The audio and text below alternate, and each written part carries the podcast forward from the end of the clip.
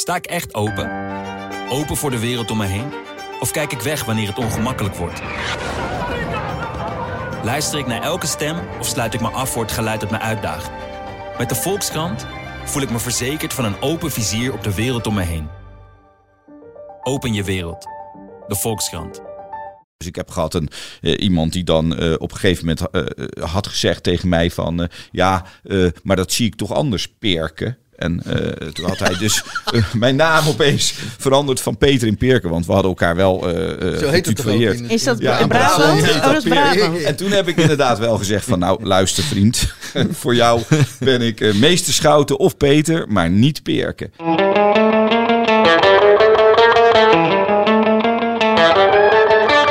Welkom bij Crime de la Crime, de podcast van strafadvocaten Peter Schouten en Onno de Jong over recht en rechtvaardigheid.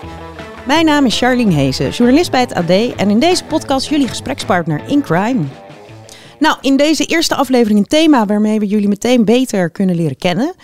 Eh, namelijk de vraag, wat betekent het eigenlijk om eh, strafadvocaat te zijn voor jullie? Hoe doen jullie dat? Ja, Ja, dat is een mooie vraag. maar Ja, ik- nou, ik, misschien zo beginnen bij sta het ik begin. er eigenlijk waarom- nooit weer bij stil. dat op die manier, ik, nee. Ik, nee, ik ook niet. Het is niet dat ik 's morgens eh opsta dat ik denk, hoe, hoe ga ik dit Nou ja, doen ik heb vandaag? advocatenbloed door mijn aderen stromen. En dan denk ik, laat het nu even wat sneller stromen vanochtend. Nou, misschien nog goed om bij het begin te beginnen. Waarom zijn jullie eigenlijk advocaat geworden? Nou, Onno, begin ik bij jou. ja. Jij bent er al het langst advocaat. Ja, ja, ja, dat klopt. Maar ik, ik, kan, daar, ik kan daar eh, vrij kort over zijn hoor. Ik, ik kon niks anders, dacht ik tenminste. Het is natuurlijk niet zo, maar eh, ik, ben, ik ben eerst eh, toneelspeler geweest. Nou ja, niet genoeg talent, toen ben ik wat anders gaan zoeken. Eigenlijk wilde ik vroeger dierenarts worden in Afrika. Maar ja, niet genoeg, eh, eh, ik was niet goed genoeg in scheikunde, biologie, al die complete alfa. Dus toen bleef rechten over. Nou, ik kan er een grapje over maken, maar je bent wel een, eh, een, een goede advocaat, Onno. Dus het is Ja, nee. uiteindelijk allemaal nog goed Het is, gekomen. het is- dat, dat geloof ik ook wel, Peter. Maar het is toch wel een, een soort van afpel eh, keuze geweest op, op een gegeven moment. Hmm. En als je dan advocaat, of als je dan rechten gaat studeren, dan denk ik dat er eigenlijk, als je dat toga beroep in wil, hè, zo, zo noem ik het maar, dan is er maar één keuze en dan, dan word je dat is advocaat worden. Ja, Ja, je wil denk ik nooit officier van justitie worden. Nee. nee. En in ieder Nee, wil geval... nooit niemand dat? Nou Nee. ja, er zijn er genoeg die het wel willen, maar die hebben gewoon een foute keuze gemaakt. Ja, nee, ik heb daar nooit eh, enige ambitie eh, voor gehad. En andere, andere eh, onderdelen in, eh, in het juridische vak? Nou ja, in, in eerste instantie niet. Later ben ik, ben ik rechterplaatsvervanger geworden. Ben ik een aantal jaren geweest. En dat heb ik altijd ervaren als een, als een verrijking, over en weer. Zowel voor mijn werk als advocaat en mijn advocatenervaring voor mijn werk als, als rechterplaatsvervanger. Dus dat vond ik een hele mooie ervaring. Maar, maar ik zou niet zo graag, ik zou niet officier van justitie willen worden of zo, nee. Maar goed, je hebt ze wel nodig natuurlijk. Tuurlijk, nee, ze tuurlijk, ze erbij. zullen vast allemaal wel hun best doen. Maar ik, mij ligt het niet om mensen te beschuldigen van iets. Ik heb eh, meteen eh, zoiets van, ik wil mensen vrijpleiten. Ik ben altijd van eh, de tweede kans, de derde kans, misschien zelfs de vierde kans. Ehm, zelf overigens is mijn verhaal eigenlijk vreselijker dan dat van O- Onno, die van toneel naar eh, advocaat is gegaan. Ik eh, was televisieproducent in eh, Azië. En eh, ja, ik, ik begon gewoon toch de zingeving, in mijn, de zingeving in mijn leven te missen. En ik wilde ook het roest van mijn lijf polijsten. Dus ik ben gaan verzinnen, wat zal ik nou eens gaan doen om iets heel anders te gaan doen. Ik had ook nog geen rechten gestudeerd. En toen kwam ik dus uit op strafrechtadvocaat. Ik denk dat is een totaal ander vak dan wat ik tot nu toe heb gedaan. Toen ben ik rechter gaan studeren. Heeft me 4,5 jaar gekost. En toen ben ik advocaat geworden. En hoe oud was je toen, toen je begon met studeren? 46. Ik vind het ook eh, eh, heel goed om aan, aan mensen te vertellen dat je altijd nog in je leven kunt eh, overstappen naar iets anders als je het niet meer happy voelt in je werk. Je moet er wel hard voor werken. Ik heb er gewoon 4,5 jaar fulltime voor moeten studeren. En daarna nog eens drie jaar een beroepsopleiding. Dus dat is 7,5 jaar. Ik dacht ook eigenlijk wel, waar ben ik aan begonnen? En ik dacht ook wel van, nou, hoe, hoe eh, kan ik dit verantwoorden? Want ik moet wel een gezin onderhouden. Ja, maar jij bent in dat, in, in dat opzicht wel iets breder georiënteerd hè, in, in het recht dan ik. Want jij hebt ook nog wel eens eh, civiele uitstapjes. We Ja. hebben ook samen kort gedingen gevoerd. En Ja, zo. dat komt, Dus het- dat komt, Onno, omdat eh, de orde eigenlijk best wel eh, bezorgd was dat ik mij aanmeldde als advocaat. Ik stond in die tijd, was ik ook wel eens in het nieuws en ik was ook al een beetje bekend als de, vriend van Peter R. de Vries. Nou, dat vonden ze allemaal maar eng bij de orde. Dus toen hebben ze mij allerlei brandende hoepels voor mij gegooid waar ik doorheen moest springen. En één daarvan was dat ik, toen ik één eh, patroon had gevonden, ze opeens zeiden nee, je hebt er twee nodig. Niet alleen strafrecht, maar ook civielrecht. En toen heb ik inderdaad twee patroons gekregen. Dus ik ben nu een soort tweekoppig monster geworden. Dus ik doe zowel strafrecht als dat is civielrecht. een adequate beschrijving. Maar wat is je. wat, is de, wat is de kern als je er één moet. eh, kan je kiezen? Of Nee, ik hoef niet, eh, ik hoef niet te Het kiezen. Ik, wat ik doe nu, omdat ik toch op strafrechten ja, eigenlijk verder ben doorgegaan, is dat ik veel zaken doe waar het civiele recht aan het strafrecht hangt. Zoals bijvoorbeeld, ik, ik sta ook slachtoffers bij. En dan is er bijvoorbeeld een hele tijd geleden, is er eh, in twee steden ziekenhuis een vrouw doodgeschoten. Die werd gestolkt en er werden allerlei fouten gemaakt eh, door de politie. En dan eh, begin ik een civiele procedure tegen de politie om schadevergoeding te eisen. Ja, ja ik, doe, ik doe dat dus niet. Ik sta geen slachtoffers bij. Ehm, omdat je dan soms ook nog wel eens met tegenstrijdige belangen komt te zitten. Als, je, als, iemand je ook- als iemand je ook belt voor zo'n strafzaak. En dan doe ik liever die strafzaak. Ik, ik, ik, eh, ik heb van alles gedaan op, op, op eh, eh, het gebied van het recht. Vreemdelingen, asiel, faillissement, civiel, echtscheidingen. En op een gegeven moment, ehm, een jaartje of twintig geleden, ben ik me eigenlijk volledig gaan focussen op strafrecht, specialisatieopleiding gedaan. En sindsdien doe ik eigenlijk niet meer anders. Dus bij mij is de, de core business is echt wel strafrecht. Ja, dat is toch wel een, eh, eh, een apart, bijzonder vak, denk ik. Wat veel tot verbeelding spreekt natuurlijk. Want het is misschien wel de spannendste route of de eh, eh, tak van, eh van ju- juridisch vak. Wat, wat, ehm, wat, krijg je, veel, veel, wat krijg je vaak voor reacties om, als je, om advocaat te zijn van, van je omgeving? Wat is bijvoorbeeld de meest gestelde vraag op een feestje? Ja, op, op feestjes en verjaardagen.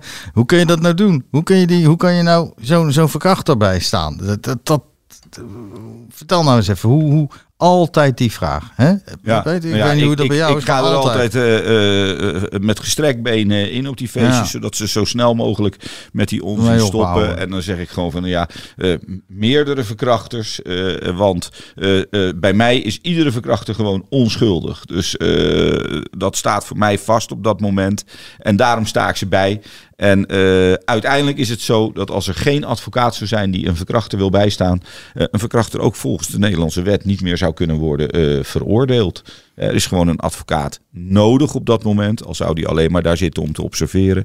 En, en ehm, ja, dat stopt de meeste mensen wel Ja, met deze onzin. Bovendien is het ook zo, en daar, dat is natuurlijk iets wat het publiek en wat de mensen op verjaardagen zo niet weten, is dat op het moment dat jij als advocaat. Bij iemand komt die verdacht wordt van een heel ernstig feit, of dat nou een verkrachting is of een moord of, of, of, of eh, een zware geweldpleging, dan zit jij te praten met een mens van vlees en bloed tegenover jou, die jou gaat proberen uit te leggen wat er gebeurd is. En dat schept natuurlijk een hele andere band, vormt een hele andere relatie dan het publiek dat zou bezien van ja, dat is een verkrachter, dat is een moordenaar. Weet je, zo kijken wij je leert toch er een- als Nee, Maar er advocaat zijn toch wel hele irritante eh, cliënten bij. Of heb jij die nooit, Ja, eh, natuurlijk. Nou, heel weinig. Maar nee, maar natuurlijk zijn er mensen bij waarmee je minder goed overweg kunt. Of die vanuit hun persoonlijkheid eh, allerlei problematiek hebben.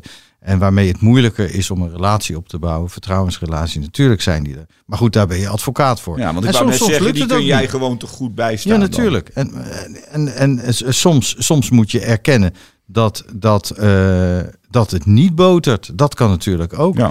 Ja, want dat wilde ik eigenlijk vragen. Want dus, nou ja, dan, als die mensen dat op een feestje vragen, dan leg je uit dat eh, nou ja, iedereen recht op rechtsbijstand heeft. De grootste moordenaar of krachter, toch? Dat is toch het. eh, het Ja, dat het zul- wel de- goed zulke antwoorden Nee, werken eh, nee. niet. Je moet het echt eh, ehm, eh, daadkrachtiger aanpakken om ze meteen te stoppen in die gedachte. Ja, dat is, dat is zo. Ik bedoel, al die grote thema's van eh, onschuldig tot je, tot je veroordeeld bent, dat werkt allemaal niet. Daar hebben mensen geen begrip voor. Daarvoor is strafrecht en zeker zoals het in de pers komt, gewoon veel te emotioneel. Er zijn, er zijn zoveel emoties bij betrokken en, en iedereen ervaart dat op een andere manier. Dus je kunt het beste gewoon heel dicht bij de materie blijven. Eh, hoe zou jij dat nou vinden als, als jij of jouw zoon eh, verdacht zou worden van zo'n ernstige misdrijf? Dan wil je toch ook dat hij eh, goede rechtsbijstand krijgt. Dan wil je toch ook dat er een advocaat is die hem helpt en die voor hem opkomt in de rechtszaal. Ja. En hoe dichter je het bij die mensen zelf houdt, is mijn ervaring tenminste, hoe, hoe beter het begrepen wordt. En Ja. betekent dat dan ook dat jullie iedereen eh, bijstaan die zich meldt bij jullie? Hm. Heel eerlijk gezegd, ik niet. Ehm, ik sta iedereen bij, maar ik kan niet tegen dierenmishandelaars. En die sta ik ook niet bij. En dat komt omdat ik daar emotioneel problemen mee heb. Eh, een dier is altijd onschuldig en je doet nooit een dier pijn. Want het dier kan zich niet verweren. En eh, ik, ik weet dan dat ik voor zo iemand niet de beste advocaat ben. Dus als er iemand bij mij komt, en dat is wel eens een keer gebeurd, die eh, verdacht wordt van, van eh, dierenkwelling of, eh, of dat soort zaken, dan verwijs ik hem door naar een andere advocaat. Hm. En dat, dat is jouw grote uitzondering? Ja, dat is mijn enige en grote uitzondering. Ik vind wel dat Onno gelijk heeft dat hij zo iemand dan niet eh, moet bijstaan. Ik heb dit overigens eh, niet. Ik heb er een hele lange discussie met mijn vriendin over gehad. Die vond dat ik mensen die dieren mishandelen niet mocht bijstaan. En eh, na die discussie eh, sloeg het eh, noodlot eigenlijk meteen toe. Want kreeg ik zo'n beetje vijf zaken op rij van dierenmishandeling. Een, een, een, een vermoord katje dat in een schoenendoos achter de televisie was verborgen. Twaalf dode puppies in een ton. Een, een hondje dat tegen de muur was doodgeslagen. En ik vind dat eh, het zo belangrijk is om dat soort zaken te doen.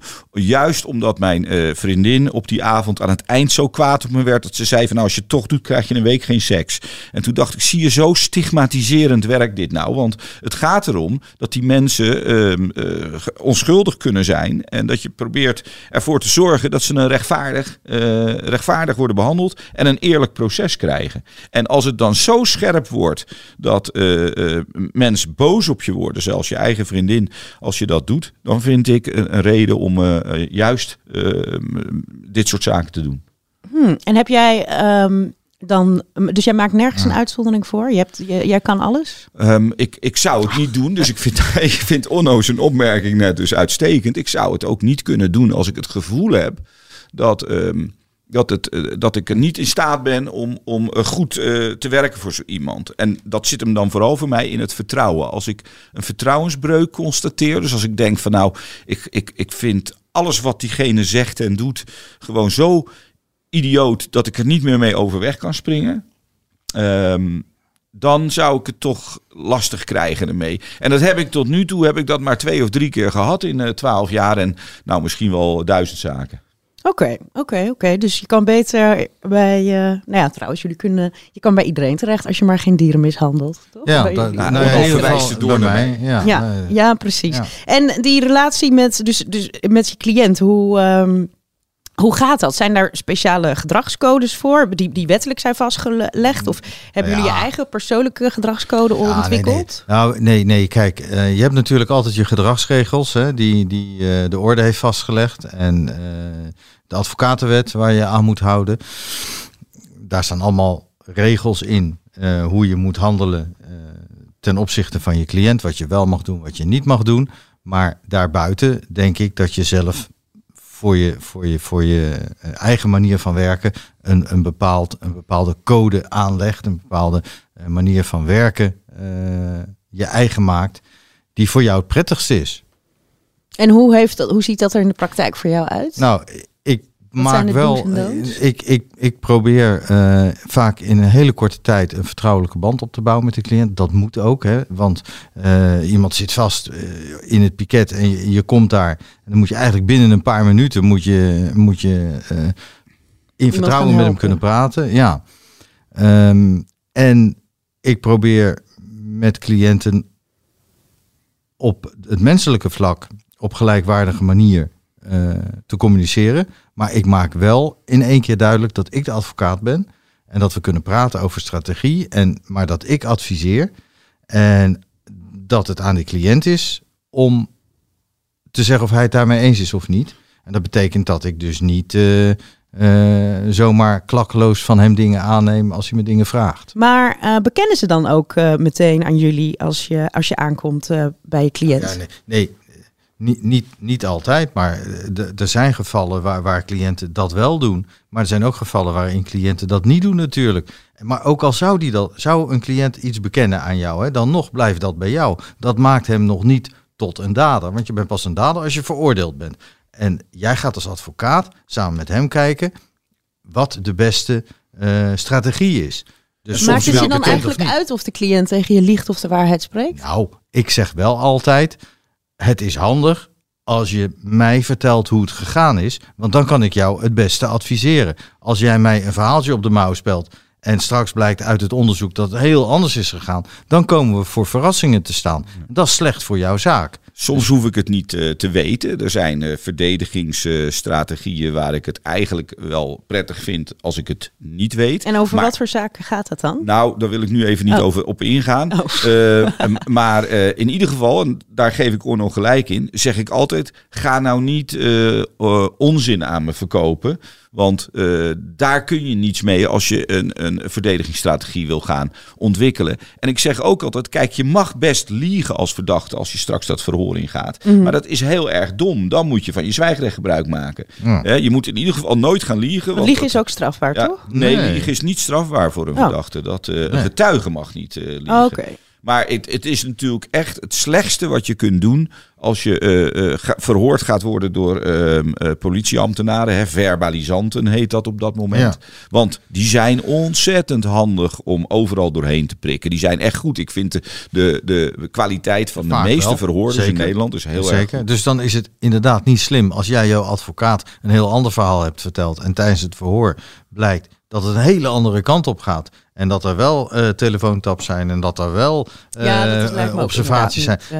Dan word je verrast en dan moet je keer op keer moet je vragen om een onderbreking tijdens dat verhoor. Om het met je cliënt weer opnieuw af te stemmen. Dus niet verstandig. Nee. Niet verstandig. En als zij dus dan hun eh, alles aan jullie opbiechten, eventueel in sommige gevallen. Ik bedoel, ik kan me voorstellen dat er best wel een hechte band ontstaat. Misschien vooral vanaf de cliënt, want je- jullie zijn een beetje hun, hun reddende engel. Of misschien een enige contact met de buitenwereld Ja, een soort soms. of- lifeline? Lifeline, Ja. inderdaad. Want hoe, hoe, hoe ga je dan met zo'n relatie om? Want ik kan me voorstellen dat je eh, ook die, die persoon die, die, die hulp, die lifeline wil zijn, maar ook eh, nou, bepaalde afstand, professionaliteit wil bewaren. Nou ja, dat moet, dat moet je sowieso doen natuurlijk. Maar, maar bij de ene cliënt moet je wat dichterbij komen als bij de andere cliënt.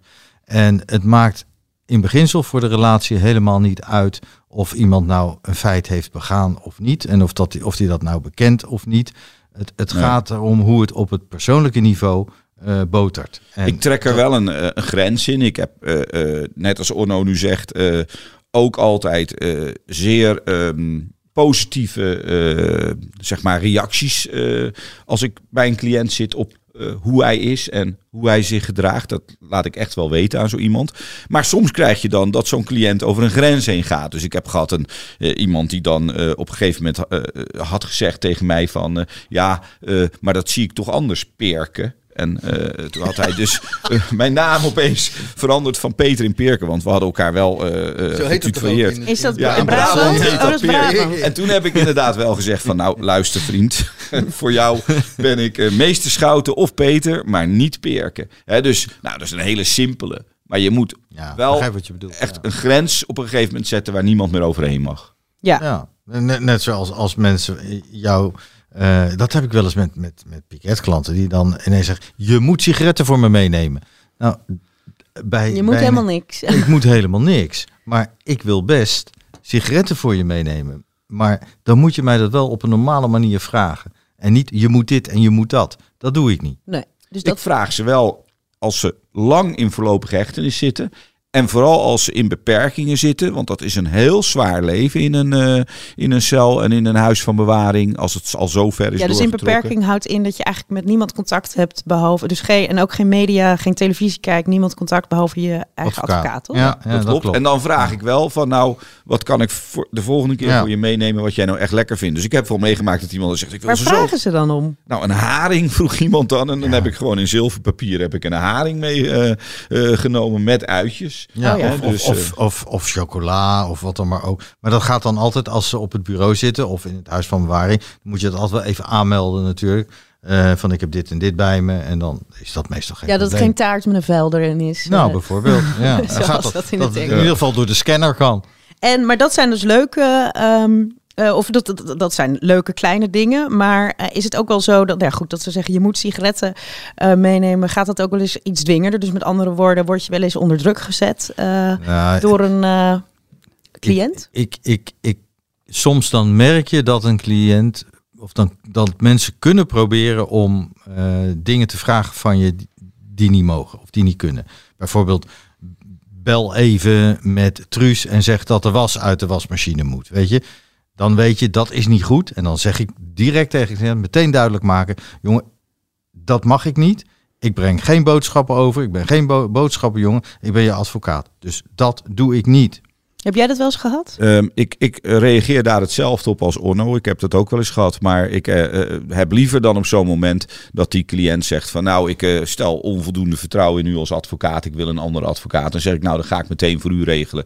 Hè, want ik wil gewoon niet in, in zo'n relatie eh, terechtkomen. En je ziet natuurlijk ook tegenwoordig in de advocatuur dat er veel wordt gesproken over integriteitsproblemen. Is iemand de boodschapper van een eh, verdachte geworden? hè? ja, En bekende zaak natuurlijk eh, Ines Wesky. ehm, eh, waar iedereen het over heeft, nog wel even het noemen waard. Want hoe hoe- is dit, is, komt dit vaak voor?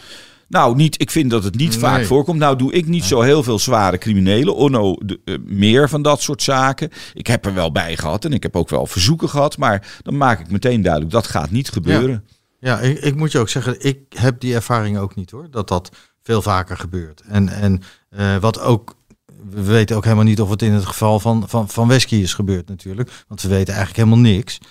Eh, waar. Nou ja, je weet Ja. hoe ik in de media daarop heb gereageerd. Door eh, juist eh, te stellen dat eh, ik eh, vind dat eigenlijk het aanhouden van eh, Ines Wesky eh, onnodig is eh, geweest. En dat eh, het feit dat zij na 30 dagen alweer eh, is geschorst. Hè, dus niet dat de voorlopige hechtenis is opgegeven, maar dat zij is geschorst. Dus weer haar berechting eh, buiten de, de cel mag afwachten. Ja, vond ik ook al een teken dat eh, het Openbaar Ministerie misschien wel over één nacht ijs Ja. is gegaan. Nou, ja, dat is, dat, niet. dat is wel spannend. Laten we het daar eh, de volgende keer eh, verder over hebben. Is dat een goed idee? Dat is een heel Zeker. goed idee. Nou, dan gaan we dat doen. Ehm, dank jullie wel. Eh, ik zou zeggen, abonneer je om niets te missen en eh, luister vooral verder. Sta ik echt open? Open voor de wereld om me heen? Of kijk ik weg wanneer het ongemakkelijk wordt? Luister ik naar elke stem of sluit ik me af voor het geluid dat me uitdaagt? Met de Volkskrant voel ik me verzekerd van een open vizier op de wereld om me heen. Open je wereld. De Volkskrant.